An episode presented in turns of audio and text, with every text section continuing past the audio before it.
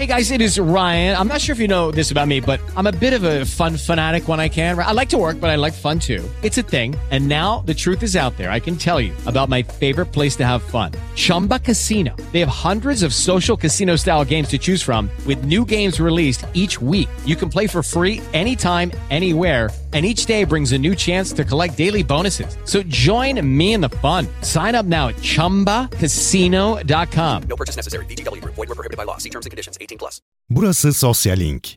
Podcast yayınımıza hoş geldiniz.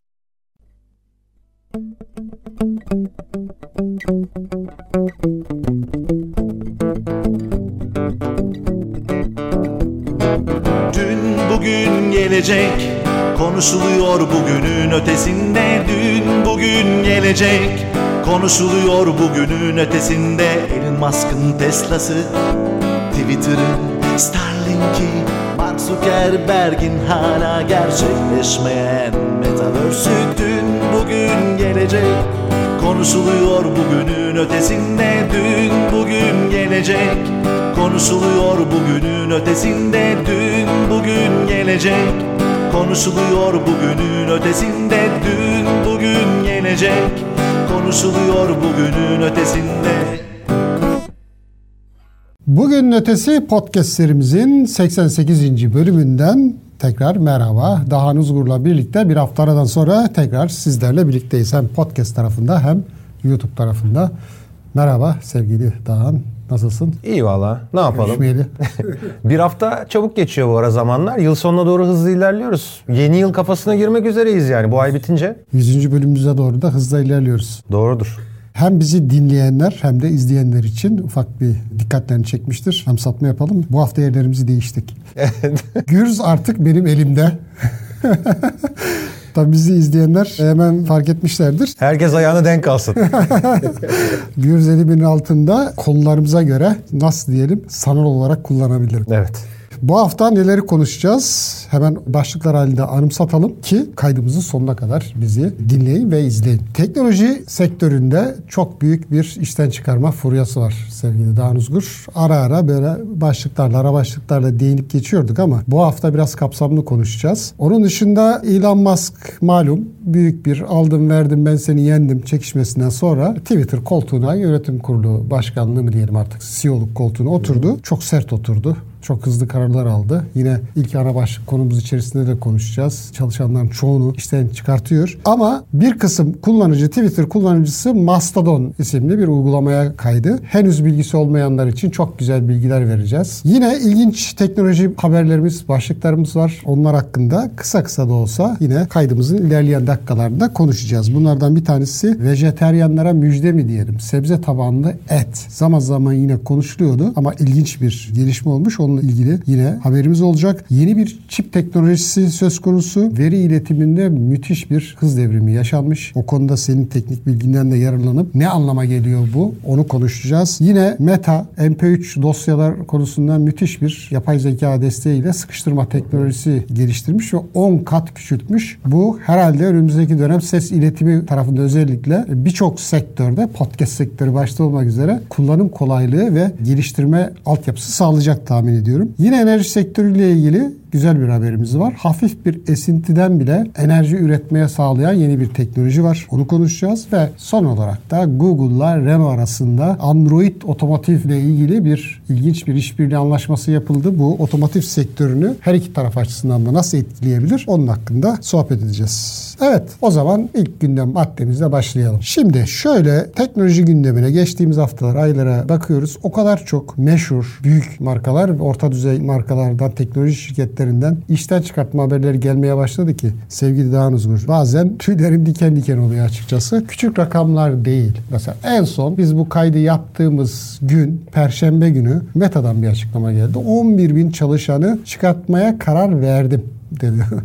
O detay da çok ilginçti. Ama onun dışında işte malum Twitter 10 bin çalışandan Elon Musk dedi ki 7500 kişiyi işten çıkartacağım. Zaten satın alma öncesi açıklamıştı bunu. Herhalde bir 5000'e yakınını bir günde işten çıkarttı. Microsoft 1000 çalışan işten çıkarttı. Hızlı hızlı şöyle markalarla ilgili bilgiler de vereyim. Intel %20, Robinhood %23, Snapchat %20, Coinbase %18, Shopify %10, Cameo %25, Calm %20 çalışanlarını azaltacağını söylüyor ki bunlar çok hatır sayılır firmalar. E onun dışında hani 1100 kişi işte Stripe 1100 kişi işten çıkarttı. Peloton 800 kişi Open'dur, 550 kişi Lyft 700 kişi, Netflix 450 kişi, Pleo 150 kişi, Dapper Labs 134 kişi diye böyle peş sıra ya bir furya var. Enerji krizi, işte farklı nedenler. Pandemi döneminde çok hızlı iş alımlar oldu. İşte onlar şimdi normalleşme olunca tekrar çıkartmalara dönüştü şeklinde mantığa bürümeler, açıklamalar da var ama biraz bunu etraflıca konuşalım diyorum. Yani Crunchbase'in bir verisine göre de Ekim sonu itibariyle 52 bin teknoloji sektöründe çalışan işini kaybetmiş ki buna işte son Facebook'un daha doğrusu Meta'nın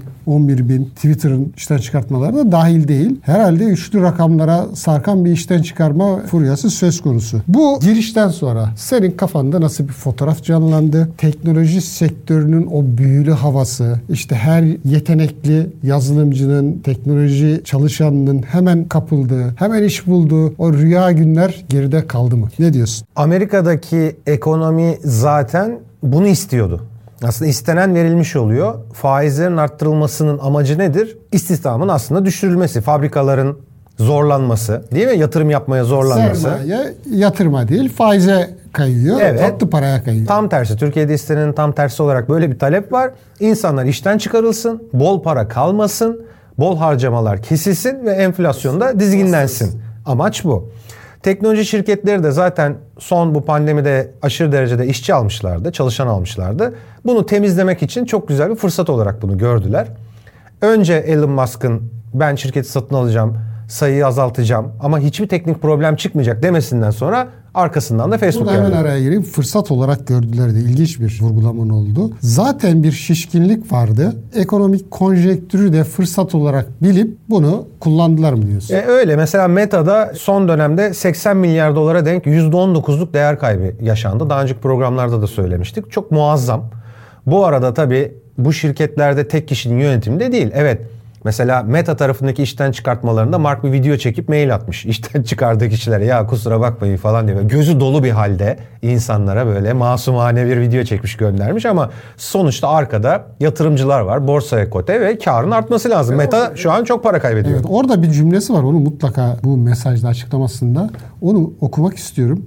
Diyor ki Zuckerberg ekibimizin boyutunu yaklaşık %13 oranında küçültmeye ve 11 binden fazla yetenekli çalışanımızı işten çıkarmaya karar verdim. Ayrıca isteğe bağlı harcamaları azaltarak ve işe alımı ilk çeyreğe kadar dondurarak daha yalın ve daha verimli bir şirket olmak için bir dizi ek adım atıyoruz demiş. Burada hani karar verdim vurgusu çok ilginç. Orada bana mesaj gönderiyor. Yetenekli çalışanlarımız diyerek ve gönüllerini almaz, sırtlarını sıvazlaması da ilginç Orada bana mesaj gönderiyor aslında o. sana. Tabii ki bana gönderiyor. Diyor ki ben bu şirketin karar vericisiyim. Siz beni buradan göndermek için konuşuyorsunuz. İşte bir takım bir şeyler yapıyorsunuz. Ama ben de bu olaylar olmadan önce biraz hisse satmış olabilirim. Şimdi hani o kadar da beni eleştirmeyin ama son dönemde benim de 100 milyar dolarım eridi bu hisse kayıplarından dolayı. Kuralları ben koyarım. Şirketin nereye gideceğine istikamette ben karar veririm diyor. Peki buna nasıl güveniyor bu kadar kendine? Çünkü Meta şirketinde yöneticinin kim olacağına dair karar vermesi gereken çoğunun %90 hissesi buna ait. Yani bunu buradan atmak da mümkün değil aslında. Kendi kendine gitmesi lazım. Çok büyük bir toplumsal baskı olacak ki gidecek. Orada biraz artık sorumluluğu üstüne alarak burada benim dediğim olur, benim borum öter diye inceden bir mesaj gönderiyor.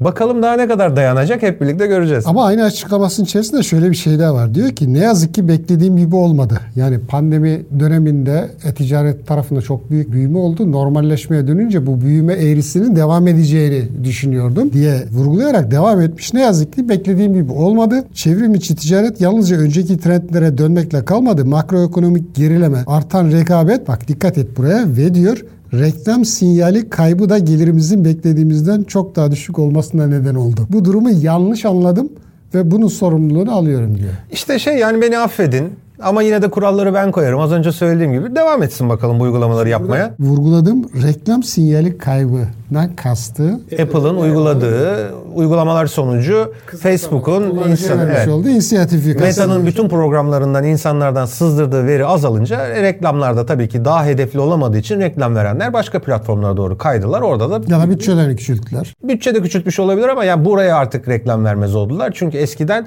inanılmaz bir veri vardı. Yani bir kişiye ait düşünsenize koordinat bilgilerinden yaşı, cinsiyeti yani adamın neredeyse her türlü hayatla ilgili eğilim bilgisi bile vardı Meta'nın elinde ve çok iyi reklam planlaması yapılıyor. Kalıcı bir unsur ve muhtemelen Android tarafında da sirayet etmesi, o tarafta da büyümesi muhtemel. O zaman bu trajik bir tabloya doğru götürebilir.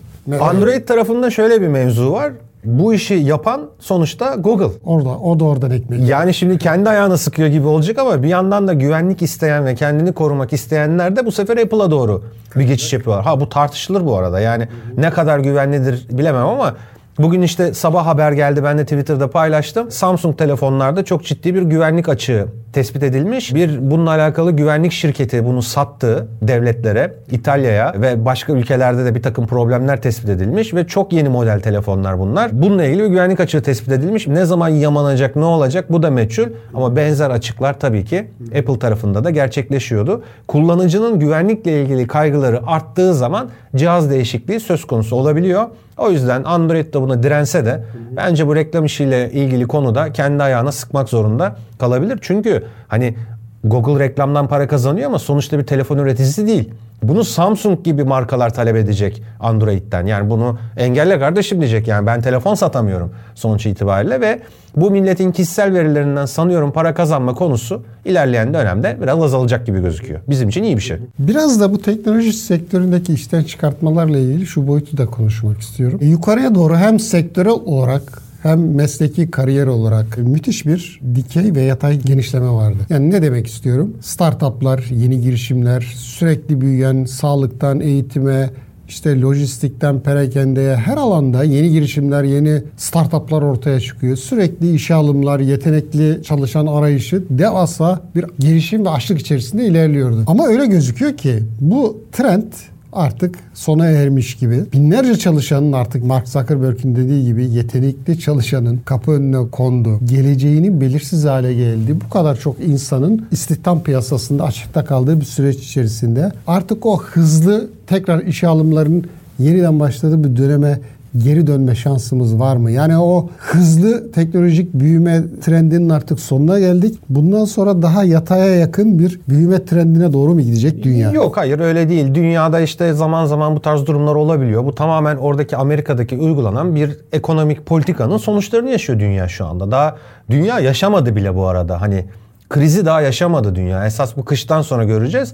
Ama Amerika'nın da faiz artışıyla ilgili artık sona doğru yaklaşıyor. Daha fazla bunu yaparsa dünya çünkü resesyona girecek. Hani çok büyük bir kriz olacak. O yüzden Amerika'da da zaten o da ne demiş? Önümüzdeki yılın ilk çeyreğinde tekrar işe alım yapmayı düşünüyoruz demiş. Ha bu kadar sayıda adam alır mı bilemem. Daha küçük belki çekirdek bir kadroyla gelirler azalınca İşe alım değil çıkartmalar devam edebilir bir taraftan. edebilir. Bir de şöyle şunu da unutmayalım. Bu şirketlerin en büyük gider kalemlerinden bir tanesi sunucu masraflarından sonra personel giderleri. Çünkü mühendis çalıştırıyorlar ve dünyadaki en premium yazılım mühendislerini çalıştırıyorlar bünyelerinde. Yani her ülkeden, oradan buradan Hindistan'dan, Türkiye'den Türk çalışanlar bile var orada. Ve bunlar çok kalifiye adamlar. Yani asgari ücretle çalışmıyorlar. O yüzden buradaki personel sayısındaki azaltma şirkete direkt kar olarak yazıyor. Ve sistemde aynı sayıdaki personelle dönüyorsa e biraz geliştirmeleri geri plana atıp bir süre bu hisse sahiplerine güzel bir tablo çizmekte yarar var diye düşünüyorum ki o da öyle düşünmüş. Ama kendi başına yiyecek haberi yok yani. İçeriden de sevilmemeye başlıyor artık hani. Yan sandalyesine oturan adam da artık ona uyuz olmaya başladı. Ve çıkardıklarında ahını aldı tabii. Tabii ki hisse sahipleri mutlu oluyordur. Sonuçta bu şirketlerin hemen tamamı borsaya kote işlem görüyor, alınıp satılıyor ve hisse sahipleri de karlılığa bakıyor. Metaverse'te de çok zarar var bu arada. Ona da çok ciddi bir para yatırmıştı. O da geri dönüşü yok. Hissederler şunu da söylüyormuş.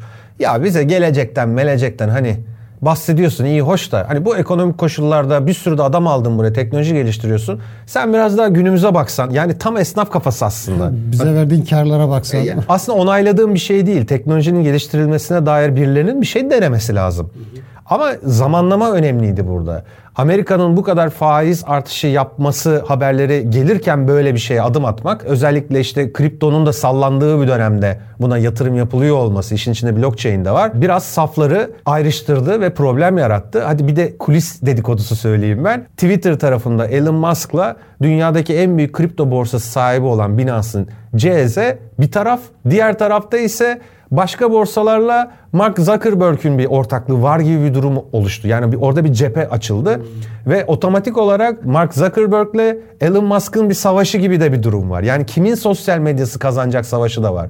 İnceden Twitter'ın yeni dönüştüğü formasyona meta ayak uyduramazsa Facebook'un çöküşü de hızlanmış olacak. Tam tersi de olabilir tabii ki. Twitter'da ayak uyduramazsın. Benim şöyle bir öngörüm var. İnsanlar yeniye rağbet eder ya, daha yeniye, daha ilginç olana rağbet ederler ya. O yüzden acil olarak Facebook zaten kaybettik ya. Onu her seferinde söylüyorum. Kullanan falan kalmadı ama diğer elindeki mecraları e, TikTok cephesi de çok derinleşti. Orada da çok ciddi bir gelir kaybı var yani. TikTok da bayağı sağlam gidiyor. Ama Instagram aynı hızda kendine yenilik sağlayamıyor. O yüzden bir şeyler yapılması lazım. Personel çıkartmakla eş zamanlı olarak insanları seveceği yeni ürünler de ortaya çıkartmak lazım. Ya da tamamen sosyal medya fikrinin Elon Musk'ın yanlış başladığı ama belki düzelerek gittiği doğrultuda da evrimleştirmesi gerekebilir. Biraz önce aslında yarım kaldı. Bir şeyin altını tekrar çizmek istiyorum. Evet, teknoloji şirketlerinin borsalardaki hisse değerleri korunuyor. Karlılık korunmaya çalışılıyor. Verimlilik ve karlılığı bu devasa şirketler her koşulda korumaya sağlıyorlar. Ama şöyle bir gerçeklikle de karşı karşıyayız. Sen de vurguladın. Bu şirketlerde çalışan insanlar çok yetenekli insanlar. Çok eğitimli insanlar ve 10-15 yıldır kendileri,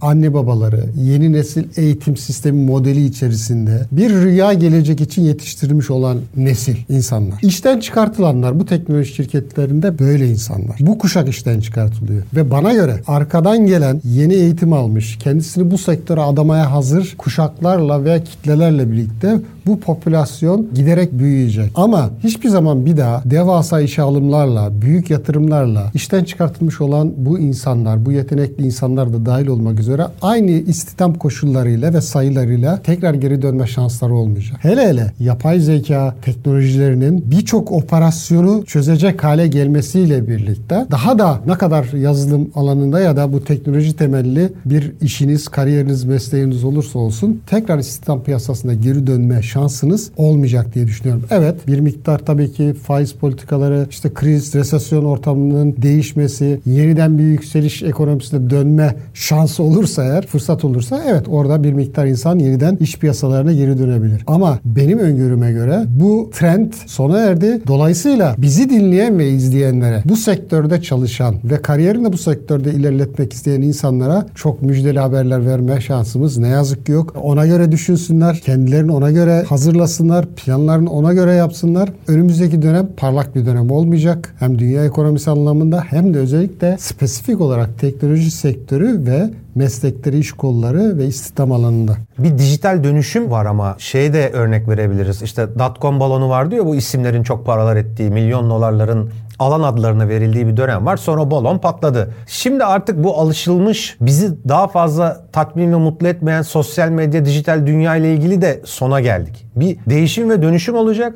Nasıl orada batmadıysak burada da gençler kendini ona göre upgrade edecekler. Şunu söylemiştim ya ben birkaç program önce. Artık devlet bu yazılım, kodlama, modlama kendi uydurduğu taktığı o isimle yapana kadar, okullara yerleştirene kadar ya bunlar modası artık bitti zaten. Biz ne diyorduk bundan 3 yıl önce? Herkes işte mobil yazılım öğrensin, mobil yazılım gelecek, şu bu falan. Bitti artık o pazar da bitti. Çok hızlı bir şekilde çok ucuza işini yaptırabiliyorsun. Şimdi yapay zeka ile ilgili konulara eğilmesi gerektiğini söylüyoruz. Acilen eğitim sisteminin yapay zeka ya doğru kendini evirtmesi lazım. İlginç bir hani fikrimi destekleyici bir haber olarak söyleyeyim. Dünyada dijital content satan bir web sitesi var. Fotoğrafçılar fotoğraflarını yüklüyor. Sen bunu kullanabilmek için para ödüyorsun. Burası artık dijital yapay zekanın ürettiği eserleri de kabul etmeye başladığını duyurdu. O zaman bu sitenin altında yıllardır çektiği bir fotoğrafı 1 dolardan 10 bin kişiye satan sanatçılar nasıl para kazanacak? Yapay zeka saniyeler içinde binlerce dijital fotoğraf üretebilir. Ve şöyle de bir şey var. Orada sitede arama yapıyorduk eskiden. İşte sokakta yürüyen yaşlı emekli. Bunu birinin bu fotoğrafı çekmiş olması lazımdı. Ama artık yeni teknolojiyle birlikte Bunu oraya yazdığın an yapay zeka senin için bunu üretip verecek. Yani metin tabanlı bir giriş yaptığınız zaman bu görsele Evet. dönüşecek. E ne oldu? Şimdi tamamen buradan para kazanan insanların kendine yeni bir kapı bulması gerekecek. Yenilik yapması gerekecek. Sosyal medyada da bir şeyler yapılması gerekiyor. Bu hep bana hep bana tarzı bence artık daha fazla ilerlemez diye düşünüyorum. Bu konuyu epey konuştuk. Muhtemelen önümüzdeki bölümlerde de kayıtlarda da yine konuşmaya devam edeceğiz. Buradan başka bir konuya geçelim. Ne dersin? Evet derim. Elon Musk Twitter satın aldı. Hızlı. Elinde şeyiyle neydi? Lavabosu. Lavabosuyla.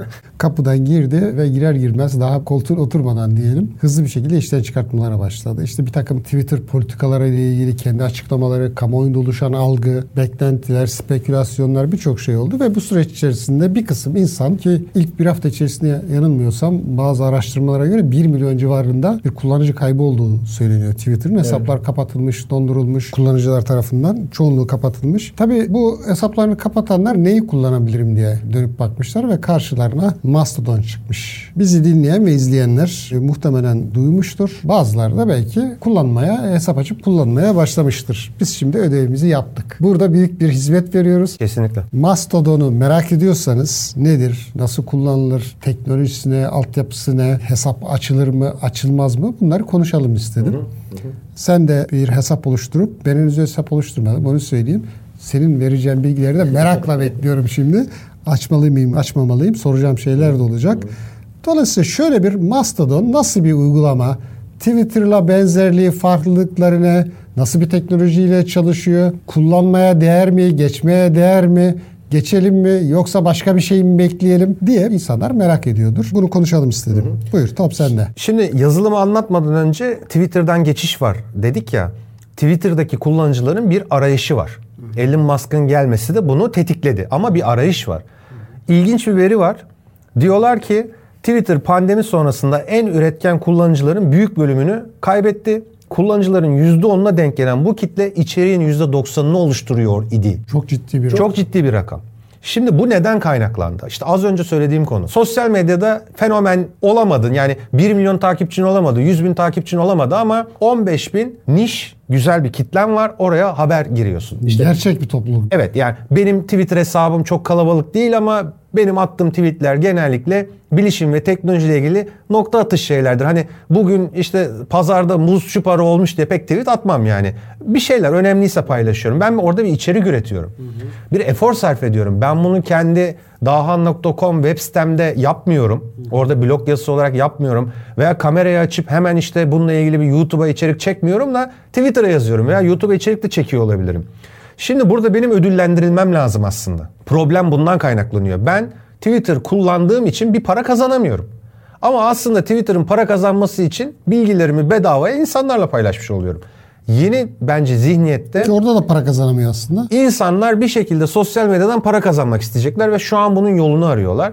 Bu satışla birlikte biraz da böyle işte anarşik davranıp yeni bir platform var mıdır diye bakındılar ve bu platformun varlığından haberdar oldular. Geçen hafta ilginç bir şekilde aynı elden yazılmış basın bültenleri birçok web sitesinde yayınlandı Türkçe içeriklerde de bu siteyi anlatan, öven, alternatif olarak sunan, aslında Elon Musk'ı sevmeyenlerin Twitter batsın diye bahsettiği bir şey ama haberi aldıktan sonra böyle bir şeyin çıktığının haberini ben detaylı bir inceleme yaptım. Yazılımı kurdum, kurcaladım. Nedir nedir diye diye baktım. Kimin yönettiğine baktım. Bunu kimin oluşturduğunu, nasıl hayatına devam edeceğini bayağı detaylı bir şekilde inceledim. Şimdi şundan başlayalım. Bu yazılım mobil marketlerde mevcut. Bunu kurabiliyorsunuz. Güzel. O basın bültenlerinde de gördüğünüz gibi hemen hızlı bir şekilde hesap açarken size hangi sunucuda yer alacağınızı soruyor. Şimdi bunu Yani tek bir sunucu, tek bir merkezde çalışan bir Değil. sistemi yok. Basın bir- sahibi de yok, bir şirkete de bağlı değil. Evet basın bültenleri bunu sanki dağınık yapı çok güzel bir şeymiş gibi sundular. Ama aslında olayın mantığı şu. Bu yazılımı adamın biri geliştiriyor açık kaynak olarak ve sonra bunu internete sunuyor. Diyor ki siz de alıp bunu sunucularınıza kurabilirsiniz ve ücretsiz olarak Twitter benzeri bir platform hizmeti vermiş olursunuz diyor. Güzel. Dağınık yapı bu mu? Dağınık yapı bu değil. Onu birazdan konuşacağız. Dünya üzerinde bir takım insanlar sunucuların üzerine bu açık kaynak yazılımı kuruyorlar. Siz de üye olurken onların sunucularına seçerek bir kullanıcı adı açıyorsunuz. Mastodon.com.tr diye Türkiye'de kurulu bir sunucu var. Ben hesabımı oradan açtım. Benim kullanıcı adım işte et dgn.mastodon.com.tr oldu. Aslında ben o sunucuda hesap açtım. Ama dünyanın farklı bir sunucusunda da hesap açabilir. Evet güzel. Bülten de bunu söylüyor. Ama arada şöyle bir şey atlıyorlar. Bu sunucunun sahibi kim? Bu sunucuyu niye kurdu? Yarın öbür gün bu sunucu sahibinin diğer dünyadaki global sunucularla bağını kopartma hakkı var. Veya diğer global sunucular bu sunucuyu reddedebiliyor. Yani buradaki içerideki uygulamaları biz beğenmedik. Çok işte kuralları özgür veya kuralları katı. Ki oluyor da zaten. Oluyor. Şimdi üye olurken orada ne dedi bana Mastodon.com.tr? Türkiye yasalarına uygun bir şekilde içerik yayılabilir dedi. Şimdi yarın öbür gün diğer sunucularda Türkiye kurallarına uygun olmayan içerikler geldiği zaman bu sunucu sizin onlara erişiminizi bir kere kesebilir. Daha doğrusu zaten devlet bunu emrettiği için kesmek zorunda kalacak. İkinci bir konu bu sunucu Türkiye'de barındırılıyorsa buna her türlü müdahale mümkün olduğu gibi detaylı bilgilerin de kolluk güçleriyle paylaşılması bir mecburiyettir. Ben bir veri merkezi işletmecisiyim. Bugüne kadar savcılık veya kolluk gücü bana ne sorduysa hepsini ben hukuki olarak yanıtladım. Yani şunu söyleme özgürlüğüm yok. Ben bu bilgiyi vermem. Mesulüm. BTK'ya ait benim de bir lisansım var. Yani bunu yapmak zorundayım. Şimdi bu da işin diğer kısmı. Devam edelim biraz daha didiklemeye bu konuyu. Şuna dikkat ettim. Mastodon'un içinde DM mesaj yok. Yani kişisel mesajlaşma özelliği koymamışlar. Neden? E, Çok doğal. Sunucu yönetiminin kimde olmadığı bir sistemde zaten özel mesajlaşma olmasın. Burada şöyle bir şey var. İnsanlar Amerikalı şirketlerin sosyal medya için koyduğu kurallara alıştılar psikolojik olarak. Yani güveniyorsun. Her bastığım anda bu mesajım gidecek. Web sitesi çalışacak. İşte WhatsApp çalışmanın zaman kıyametler kopuyor. Twitter 10 dakika çöküyor. Olay oluyor. Buna alışmışlar. Ve oradaki aşırı güvenliğe, işte bilgimin saklanacağına dair insanlarda bir şey oluşmuş. Hani sosyal medyada bilgim gizlidir. Hani çok bir şey olmasa verilmez. Ama burada bir sıkıntı var. Bu sunucuyu kuranlar kim?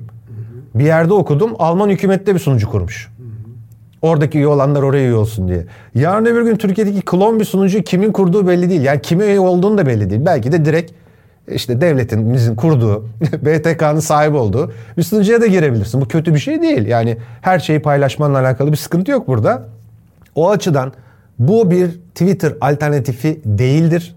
Judy was boring. Hello. Then Judy discovered ChumbaCasino.com. It's my little escape. Now Judy's the life of the party. Oh, baby, Mama's bringing home the bacon. Whoa, take it easy, Judy. The Chumba life is for everybody. So go to ChumbaCasino.com and play over 100 casino-style games. Join today and play for free for your chance to redeem some serious prizes. ChumbaCasino.com. No purchase necessary. Void where prohibited by law. 18 plus terms and conditions apply. See website for details. Lucky Land Casino asking people what's the weirdest place you've gotten lucky? Lucky? In line at the deli, I guess? Aha, in my dentist's office. More than once, actually. Do I have to say? Yes, you do. In the car before my kids' PTA meeting. Really? Yes. Excuse me, what's the weirdest place you've gotten lucky? I never win and tell. Well, there you have it. You can get lucky anywhere playing at LuckyLandSlots.com. Play for free right now. Are you feeling lucky? No purchase necessary. Void where prohibited by law. 18 plus. Terms and conditions apply. See website for details. Burada hemen biraz önce vurguladın. Onu da atlamadan detaylandıralım. Şimdi dağınık altyapı teknolojisi de dağıtık farklı bir şey. Şimdi bunu bence özellikle vurgulayarım. Çünkü Jack Dorsey'in eski Twitter kurucusu ve CEO'su Blue Sky isimli dağıtık teknoloji tabanlı bir sosyal medya projesi var. Henüz tamamlamayla Ve blok zincirde çalışacak. çalışacak. O bir dağıtık teknoloji altyapısıyla ama burada konuşturmuş olduğumuz dağınık bir teknoloji diyebileceğimiz bir altyapı. Oradaki sunucu Farklı. maliyeti de binmesin diye de yazılımı ücretsiz olarak vermiş. Her isteyen bu yazılımı hatta kurulum dokümanlarına da baktım ben dedim ben de kursam mı falan dedim baktım. E, bir sürü işin içinde medya paylaşım var yazılanlar çizilenler var ben dedim mahkeme kararlarından uğraşamam. Her gün yazı gelecek çünkü o kim bu kim IP'sini ver bilmem ne dedim hem bedava ne yani ne mecburiyetim var ki. Şimdi sunucu kuranlar açısından şöyle de bir konu var. Ben bu sunucuyu kurdum. Buna bir kaynak harcadım. E gelir. Gelirim nerede benim? Nereden para kazanacağım ben? E, bu da bir problem. Evet gelir tarafı da sıkıntılı aslında. Orada sunucunun inisiyatifinde ilerleyen bir şey var. Yani bağış alabiliyorlarmış. En yaygın kullanılan unsurlardan. Yani işte Onda ya- yani niye hani, bağışlasın hani e, var. ben şimdi hep şu basit olarak şöyle düşünmek lazım. Yani ben bunu niye yaparım? Ben bu sunucuyu niye kurdum? E ben bağış alacağım bundan. Yani uğraştığım mahkeme emirleri Türkiye'den bahsediyoruz şu anda. Değer mi değmez mi bağış toplamaya diye. O yüzden bence çok yakın bir zaman içinde bunun açık kaynak kodlarını alan birisi yerli ve milli Twitter alternatif diye yakında piyasaya çıkabilir. Bizde meşhurdur o çünkü kodları alıp logosunu Türkiye'de değiştirmek. tek bir sunucu var anladığım kadarıyla. Onda da 4000 civarında kullanıcı varmış. Seninle birlikte 4001 oldu herhalde. O oldu ve insanlar genelde şu anda orada anlık mesaj atıyorlar. Çok büyük bir WhatsApp grubu gibi bir şey o yani. Otobüse bindim. Otobüsten indim. Hayat çok zor. Dünya ne kadar pembe.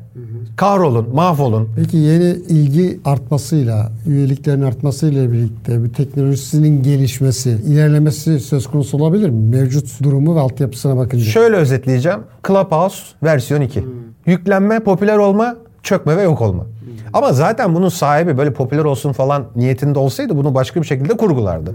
Adam oturmuş 3-4 ayda bir kod yazmış. Bunu etrafa dağıtmış. "İşte Siz de kurun sunucunuza demiş. Aynı zamanda birbirinizle de kontak halinde olacağınız bir teknoloji de geliştirmiş orada. İstersen bağla demiş. istemezsen manuel takıl demiş. Tamamen dış dünyada bağlantını da kesebiliyorsun sunucunun. Yani üye olduğun sunucunun içinde de kalabilirsin. Çok eskiden news vardı internette. Outlook üzerinde çalışırdı. News gruplarına üye olurdun.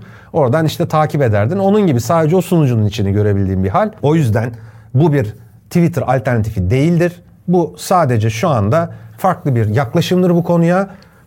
Twitter hayal ettiğini yaptığı zaman birinci versiyon, Jack hayallerini gerçekleştirdiği zaman da Web 3.0'ın gerçek hak ettiği sosyal medyaya sahip olmuş olacağız. Bütün bunların ana fikrinde para kazanma söz konusu. Ben artık bu saatten sonra düz bir kullanıcı olarak bedavaya bir şeyler paylaşmak istemiyorum. Benim çektiğim fotoğraf da kıymetli, yazdığım yazı da kıymetli. Ayakkabımın ne renk olduğunu yazdığım an bile para kazanmak istiyorum ben. Ve bütün dünyadaki bütün sosyal medya kullanıcıları da günün epey bir saatini bu işe mesailerini harcamaları karşılığında da para istiyorlar. Jack'in yeni sosyal medyasında bu para Biraz demeyeceğimiz... bilgim var zannediyorum. Evet. O konuda da biraz Blue Sky projesi Evet. birkaç bölüm önce de konuşmuştuk aslında. Nasıl bir proje geliyor? Ne, ne bekliyorsunuz? Orada şöyle bir şey biliyorsunuz blok zincir gerçek dağınık yapı yani sahibi olmayan bir platform blok zincir. Bu kripto paraların da saklandığı blok zincir teknolojisi geliştirildi ve içine de mesaj yazılabilir bir versiyonu gibi basitleştirerek söyleyeyim size. Burada blok zincirde bildiğiniz gibi blok zincire bir şey yazmak için bir bedel ödenmesi gerekiyor. Bunun bir maliyeti var. Yani bu ne demek oluyor? Sen tweet attığında da bir bedel ödemen gerekecek. Yani bedavaya hava çok güzel, çiçekler ne güzel, kuşlar ötüyor diye attığın zaman bu yeni Web 3.0 mantığında bunun bedelini ödeyeceksin. Ama bir insan da senin tweetinle alakalı bir şey yaparken, saklarken, paylaşırken o da bir bedel ödemek zorunda kalacak. Bu bedelin bir kısmı network gideri olarak bu platformu kurana aktarılacak ama diğer bu alış satış arasında bir alışveriş olduğu için insanlar okurken de yazarken de bir para öder hale gelecekler ama bu para kelimesine çok takılmayın. Yani para değil bu. Oranın kripto varlığına mı diyelim? Oranın bir birimine, bir ölçüsüne sahip olacak. yani. Dijital para birimi diyelim. Ya işte para deyince de böyle hep gelire gidiyor kafa. Onun gibi düşünmeyin. Belki biriktirebildiğiniz bir puan diyelim. Puan daha doğru olabilir. O puanlar para eder mi etmez mi onu hep birlikte görürüz. Ama bir puan kazanacağız yani.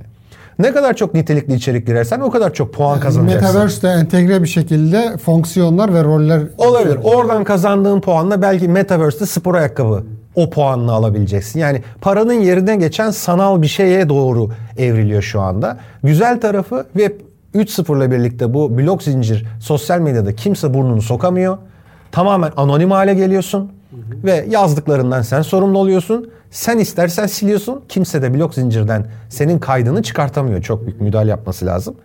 Buradaki ana tabii ki eleştirilen konulardan bir tanesi de her kişinin bir dijital cüzdanı ve varlığı olabileceği, genelde böyle kullanıldığı ve bu Web 3.0 sosyal medyalara üye olurken de o cüzdanları kullanacağız ya.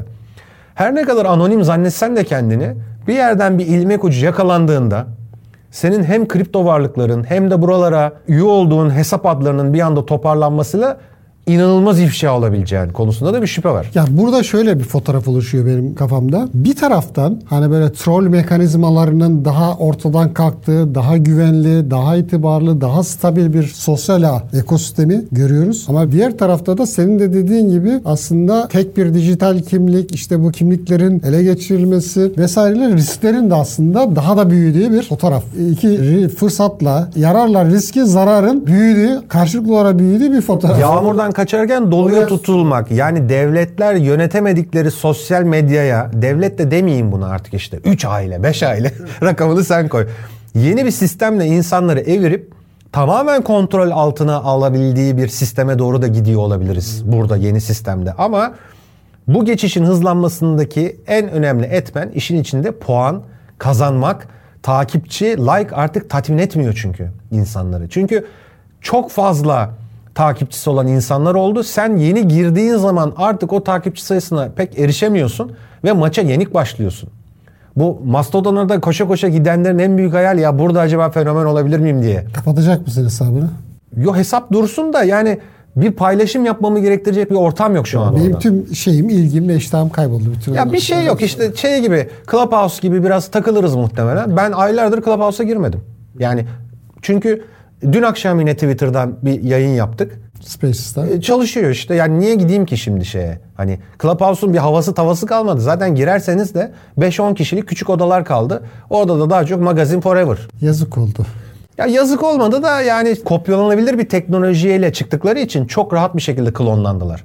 Aslında hata hata da demeyelim de biraz tanıtımı aşırı derecede Türkiye'de ilk girdiği tanıştığı ajans yaptı bunu. Ya bu tek elden çıktı bu. Ünlülerin bir anda oraya yığılması falan ajans işiydi. Oradan bu projeden hisse almış Türk ajans sahibi geldi burada ünlüleri oraya soktu. Sosyal medyadaki fenomenleri orada program yaptırdı.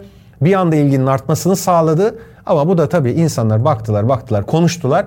Birkaç ay sonra da konuşacak bir şey kalmayınca da çekip gittiler. Yani sabahtan akşama kadar ne konuşabilirsin? Biz bu programı haftada bir gün yapıyoruz. İşte bu kadar birikiyor yani malzeme. E ben bunu her gün nasıl konuşabilirim ki? Evet, senin de dediğin gibi özellikle blockchain tabanlı teknolojiler sosyal ağ tarafında önemli ölçüde etkileyecek. Oyunun kurallarını belki de dediğin gibi Jack Dorsey'in geliştireceği Blue Sky altyapılı yeni dağıtık teknoloji sosyal medya girişimlerini beklemeyiz. Oyunun kurallarını bunlar değiştirecek. O net aslında. Evet temeli de Elon Musk Twitter'ı mıncıklayıp kurcalarken aslında atacak. Onun da geçen gün bir tweet'i var. Diyor ki Twitter'da olmadık şeylerle karşılaşabilirsiniz. Bir şeyler deniyor olabiliriz diyor. Her tarafını diyor kurcalayacağız. Bir şeyler ekleyeceğiz, bakacağız. Yani sizi dev bir beta versiyonuna şu anda getirdik. Bakacağız duruma göre bazen üyelikler 8 dolar olacak. O 8 dolar para verene mavi tık vereceğiz. Sonra yarın vazgeçeceğiz, geri alacağız falan. Bir şeyler deneyeceğiz diyor ama şöyle bir şey var. Parasıyla sağ olsun. Yani bu kadar parasını çarçur edip bunu deneyecek başka bir adam bulunamazdı. Web 3.0'e ve Jack'in yeni projesine geçiş için bir altlık oluşuyor şu anda. En sonunda belki o da tamamen çizgiyi çekip Twitter'ı blockchain'e, blok zincire taşır. Judy was boring. Hello. Then Judy discovered ChumbaCasino.com. It's my little escape. Now Judy's the life of the party. Oh, baby, Mama's bringing home the bacon. Whoa, take it easy, Judy. The Chumba life is for everybody. So go to ChumbaCasino.com and play over 100 casino-style games. Join today and play for free for your chance to redeem some serious prizes. ChumbaCasino.com. No purchase necessary. Void where prohibited by law. 18 plus terms and conditions apply. See website for details. Evet, bu iki ana konumuzu detaylı bir şekilde konuştuktan sonra hızlı bir şekilde teknoloji dünyasına ilişkin haberlerimiz var. Onları konuşalım. Açılışta da dedik, vejeteryanlara yönelik müjdeli bir haber var. Tamamen sebze tabanlı ikame et üreten Beyond Meat şirketinin ürettiği ilk biftek ABD'de satışa sunulmuş. Sen de incelemişsindir. 2012'de kurulmuş bir şirket Beyond Meat. Şu ana kadar yine sebzeden mamul, yani ham maddesi sebze olan tavuk, köfte, sosis ve kıyma ürünleri üretmiş. Farklı açılardan bakılıp yorumlanabilecek bir konu. İşte hayvan sevenler için müjdeli bir haber olabilir ya da vejeteryenler için. Sonuçta teknoloji gıda sektöründe de derinlik kazanıyor. Gerçekten çok ilginç ürünler üretiliyor. Ne diyorsun? Bu tarafta hani güçlü bir gıda krizine doğru evrilen bir dünyada bir alternatif olarak bu tarafta ilerleyebilir mi? İklim krizini zaten herkes konuşuyor ki iklim değişikliği dünyanın tarihi boyunca birçok kere olmuş bir şey. Doğa ayar çekiyor. Hiç de insanlar falan da umurunda değil bu arada doğanın. Hani bizim insanlar genelde bütün evrenin, dünyanın ve doğanın kendisi için oluşturulduğunu zannediyor yani. Ama öyle değil aslında. Doğa kafasına göre takılıyor. Bazen dünyayı donduruyor. Bütün canlı hayat yok oluyor. Sonra bir anda ısıtıyor. Oksijensiz bırakıyor. Karbondioksite boğuyor. Kafasına göre ayarı veriyor. İnsan bundan kaçınabilmek için zeki bir varlık olduğu için aslında önlem alıyor. Bu çok önemli. Çünkü bütün dünya nüfusuna yetecek kadar gıda dünyada mümkün olmayacağını herkes biliyor. Ama bu doğanın kararlarının da insanoğlunun küresel olarak ürettiği etkiler de belirliyor artık. Onu Hızlandırıyor, yavaşlatıyor ama sonuçta olacağı da çok insanın da mani olması mümkün değil ama dün çok güzel bir program vardı Teke Tek'te. balık hayatıyla ilgili. Yani işte kötü avlanma, bizim derelerden akan kimyasalların Marmara'yı nasıl bozduğuna dair. Doğa bir şeyler yapacak ama sen bu aradaki yaşam kaliteni yok ediyorsun aslında. Hani fazla doğaya bu kadar zehirlemesen, burnunu sokmasan daha bir daha iyi yaşayacaksın ve adaptasyon sürecin daha rahat olacak. Ama biz şu anda bir nesilde doğduğumuzdan ölene kadar bile çok ciddi doğa problemleri yaşıyoruz ki bu aç gözlüğümüz ve doğaya saygı göstermememizden kaynaklanıyor. O yüzden bu yapılan çalışma çok önemli. Son dönemde ben de biraz bu hayvan kesilmesiyle ilgili konularda fikirlerim değişmeye başladı. Çok azılı bir et yiyicisiyim ben. Çok severim yani. Ağzım sulandı şu anda yani. Ama o hayvanların yani o kesilme anları veya insanların yemesi için üretim prosesi hani doğada avlanmak başka bir şey. Bir dağda yalnız başına yaşıyorsun işte okla adaletli bir şekilde avlanıyorsun. Ama onun dışında böyle hayvanları işte bir yerlere yerleştirip bir makineye bağlayıp çatır çatır onları kesmek ve insanların yemesi için üretiliyor olması da son dönemde biraz böyle garip gelmeye başladı bana. İşte tavuğun civcivden yediğimiz hale gelmesinin vaktinin kısa olması, bunu hızlandırmak için hormon basılması, bizim sağlığımızı da bozması yani yediğim şeyden şüphelenir hale geldim. Bu biraz canımı sıkmaya başladı. O yüzden bu tarz böyle ikame et olur, protein ihtiyacımız var ve bu bizim genetik kodumuzda var. Yani bu proteini almak zorundasın. Hiç et yemeyenler de bu protein ihtiyacını başka şeylerden sağlamaya çalışıyorlar ama bizim buna ihtiyacımız var. İşte dedim ya programda izledim balığın maruz kaldığı işte mikroplastik. Geçen gün yapılan bir testte anne sütünde mikroplastik tespit edildi. Yediğimiz şeylerden vücudumuza giren şey anne sütüne kadar gitmiş ki bu balıkların içinde de var bu mikroplastikler. Yani her yediğim şeyde böyle bir huylanır oldum. Soluduğum havada dahil olmak üzere. O yüzden bu tarz girişimleri değerli buluyorum. Çünkü eğer insanlık bir gün buradan Mars'a falan gidecekse de gıda problemi var. Hani gemide inek, koyun falan besleyemezsin sonuçta uzay gemisinin içinde. Bitkiyi yetiştirmek daha kolay. O yüzden bu bitkiden bu protein ihtiyaçlarımızı göreceğimiz şeylere ben tamamım yani. Yine hafta içerisinde bu brokoli ile ilgili Mars yolculuğunda önemli bir görev üstlenebilir diye ilginç bir başlık vardı. Onu da not düşmüş olalım. Başka başlığımız yeni bir çip teknolojisi var sevgili Dağın Uzgur. Çok etkileyici veri iletiminde yeni bir devrimin habercisi gibi. Danimarka Teknik Üniversitesi Japonya işbirliğiyle geliştirilmiş olan bu yeni bir çip. Bu çip ile fiber optik kablo üzerinden saniyede 1,84 petabit veri transferi gerçekleştirilmesi başarılmış. Bunu anlama geliyor biraz kafada canlandırmak için vurgulayalım. 230 milyon fotoğrafa denk gelen bu hacim internetin toplam trafiğine eşitmiş. Eskiden bu örnekleri indirilebilen film sayısıyla verirlerdi. Şimdi yasa dışılık olduğu için şimdi fotoğrafa bağlamışlar işi. Çok güzel. Hep şey verirlerdi. Saniyede şu kadar VCD indirebiliyormuşsun falan diye onu vermiyorlar artık. Bu konulara çok hakimsin. Bunu nasıl anlamalıyız? Nasıl bir değişimi tetikleyebilir? Neleri büyütür? Neleri hızlandırır? Ben hayata girmesine bakarım. Teknolojiler her zaman bu tarz testler yapılıyor. Geçen günde Suudiler bir camdan yansımayla internet iletimiyle ilgili bir şeyler yapmışlar falan filan. Ama teknoloji geliştiyse girecektir bu yani. Ama işte ne zaman? Yani kaç yıl? Bu şimdi petabit metabit. Ya evde 100 megabit internet yok ya. Başarılmış testler yani çok vakit alacağınız Tamam ama evde var mı 100 megabitten hızlı internet var mı? Ben ona bakarım. sen önce Starlink kutusuna ulaş ondan sonra konuşuruz. Daha o gelecek sana. Ha, hazır Starlink demişken. Bunu değiştirdik bak yine. ya tamam güzel yapmışlar. Daha da hızlansın inşallah. Bu gemiler için bir hizmetten bahsetmiştik ya şeyde Starlink tarafında. Ya bu bayağı ciddi bir problemmiş bu gemilerdeki internet konusu. Ben tahmin ederek gemicilerin ailelerine ulaşması için internet çok önemli gibi bir şey söyledim. Süper bir yorum gelmiş. 100 megabayt internet çok ciddi paralara satılıyormuş. Yani kotalı internet. Bunun diyor yaygınlaşması ve gemilere gelmesi bizim için harika olur. Çünkü ailelerimizle iletişim ve gemideki o zamanın geçirilmesi için bu internet çok önemli. Lütfen bunu programlarınızda ara ara hatırlatın. Bu gemi sahipleri bize bunu taktırsın. Biz de daha konforlu bir şekilde çalışabilelim şeklinde bir yorum yapmış. Ben de buradan hani o söylediği için ara ara böyle hatırlatacağım. Lütfen bu gemi sahipleri personelinizi de düşünün. Hızlı interneti gemilere getirelim. Bakın Starlink yaptı bunu çok da güzel çalışıyor. Yatırımı yapın. Alın. Kullanmadığınız zaman da dondurma özelliği de varmış pakette. Gemi eğer gitmezse onu dondurursunuz. Bu adamları üzmeyelim. Gemicileri üzmeyelim. Bunlar bize çünkü ta binlerce kilometre öteden yiyeceğimizi, içeceğimizi, giyeceğimizi ve elektronik eşyalarımızı getiriyorlar. Yani binlerce insanın da çalıştığı bir sektör olduğunu anımsatalım. Evet, 3-5 evet. kişiden söz etmiyoruz. Geniş bir çalışan kesim var bu sektörde de. Bugün herkesin geniş bant internete ulaşması bir insan hakkıdır neredeyse. Gıda gibi evlerimizdeki internetin de hızlanmasıyla ilgili de aynı şekilde BTK'ya şuna buna seçimlerde siyasi partilere baskıyı uygulayalım. Artık Türkiye'nin internet ortalaması hak ettiği yer olan 1 gigabit seviyesine gelsin. Evet yani seçim vurgun da güzeldi.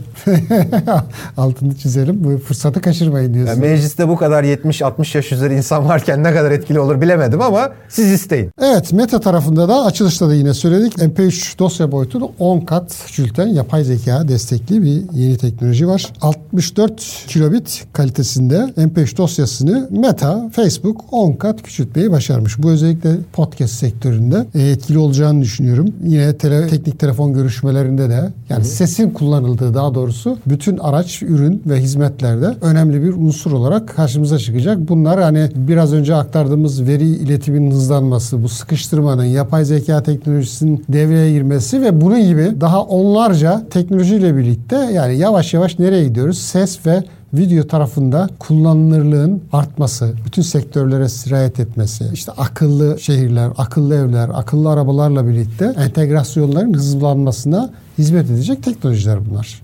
Yani ses kalitesinde tabii bir kayıp olacaktır.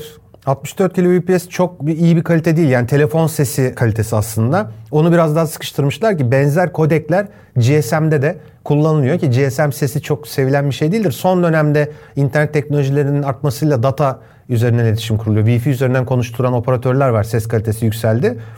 İyi yapmışlar ama az önce yeni fiber teknolojisinin çıktığını konuştuk. Saniyede bilmem kaç tane datanın pompalandığı, havadan internetin geldiği bir yerde disk kapasitelerinin büyüdüğü bir yerde niye sıkıştırıyorsun? Yani sıkıştırma rahat rahat. Spotify'dan dinlediğim şeyi şimdi podcast diye, konuşma diye niye vuruyorsun abalıya yani? Sıkıştırma kardeşim. Mümkün olduğu kadar sesler güzel gelsin, bütün frekansları duyalım. MP3'ün de zamanında ilk çıktığı zaman şaşırmıştı insanlar bir şarkı nasıl bu kadar küçülüyor İşte diye. burada yani yapay zeka teknolojisi kullanıldığı için acaba kalite kaybı yaşanıyor mu? Onu bir anlamak lazım. İlla ki yaşanıyordur. İnsanların kulağının duymayacağı frekansların kesilmesiyle MP3 formatı ortaya çıkmıştı. Zaten duymuyorsunuz. Biz bu frekansları da dataya aktarmayalım. Ebat, aa ebat küçüldü. İyi de ses gitti. Belki o ben o frekanslar ileride lazım olacak bana. Niye kesiyorsun sen benim frekanslarımı?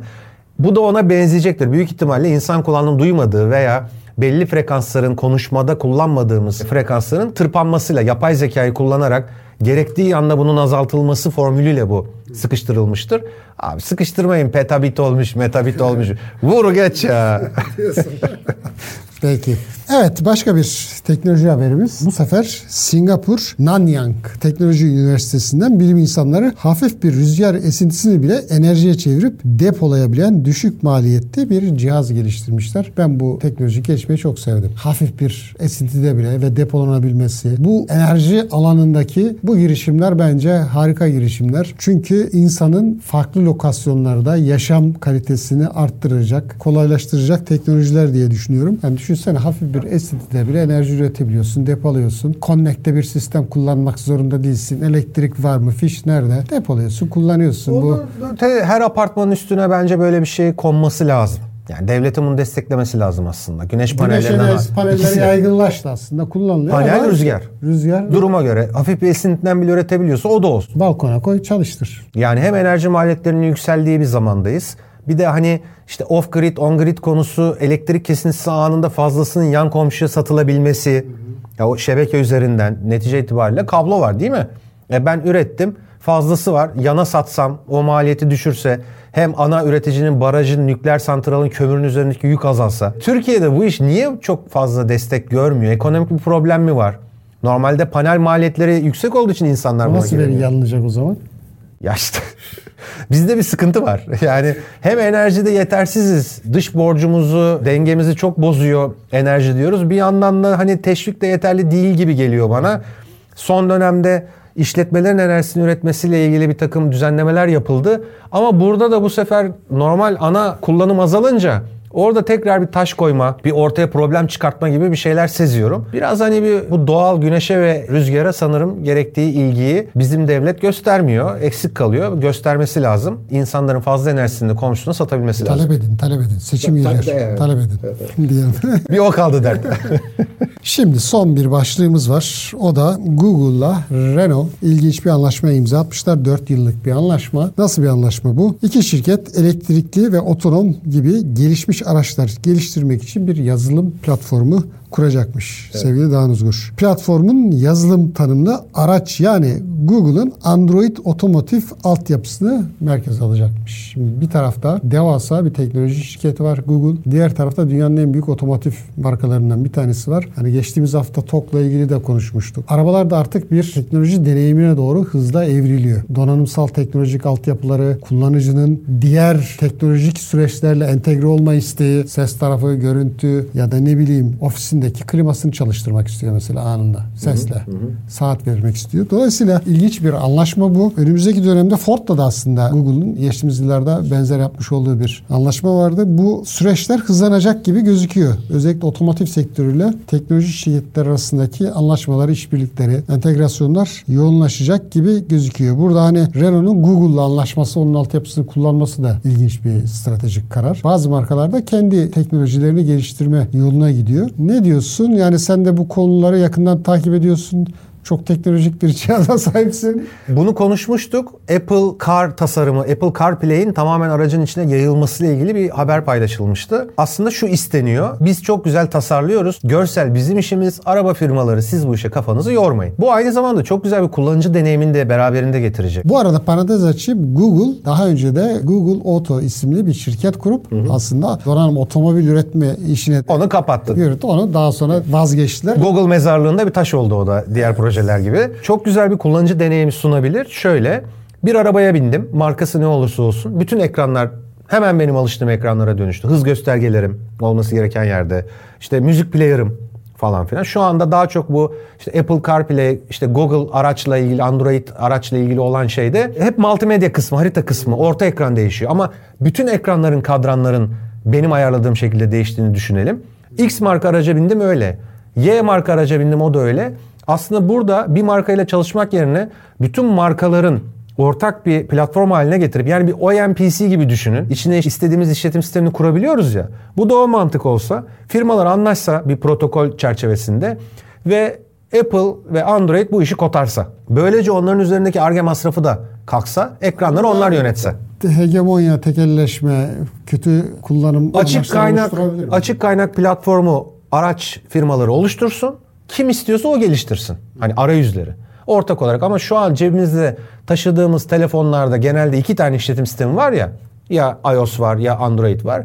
E bunu ilk etapta bunlar destekler. Yarın öbür gün başka bir marka platform olduktan sonra alternatifler de çıkar. Araba firmaları da bu kötü tasarladıkları ekranlardan hem onlar kurtulur hem de kullanıcılar kurtulur. Bakın telefonumuzu güncelleyebiliyoruz. Akıllı saatimizi güncelleyebiliyoruz. Evdeki televizyonumuzu bile akıllı televizyonu güncelleyebiliyoruz. Ama satın aldığımız arabanın arayüzünü kullandığımız 30 yıl boyunca güncelleyemiyoruz. Ya böyle saçma bir durum olabilir mi? Kınıyorum.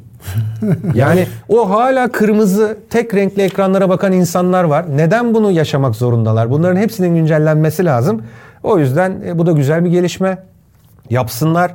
Ama Apple'ın bütün arabanın kadranlarına hakim olduğu ve Android'in bütün arabanın kadranlarına, ekranlarına hakim olduğu bir sistemin de gelmesini ben çok arzu ederim. Diyorsun. Evet bu da son teknoloji haberimizdi. Ee, yine yaklaşık bir saate yaklaştık. Evet. Bu haftalık yeter diyelim artık. Güzel başlıklar konuştuğumuzu düşünüyorum. Meraklarına güzel bilgiler verdiğimizi düşünüyorum. O halde artık veda edelim. Veda edelim. Evet bu haftalık da bizden bu kadar. Hem podcast tarafında hem YouTube tarafında bizi dinlediğiniz ve izlediğiniz için teşekkür ediyoruz. Keyifli konular, ilginç başlıklar seçmeye çalışıyoruz. Keyifle sohbet ediyoruz. Aynı keyfi umarım sizler de almışsınızdır. Gelecek hafta 89. bölümümüzde yeni bir bölümde yeni konularla tekrar buluşmak üzere. Sağlıklı kalın, hoşçakalın. Hoşçakalın. Dün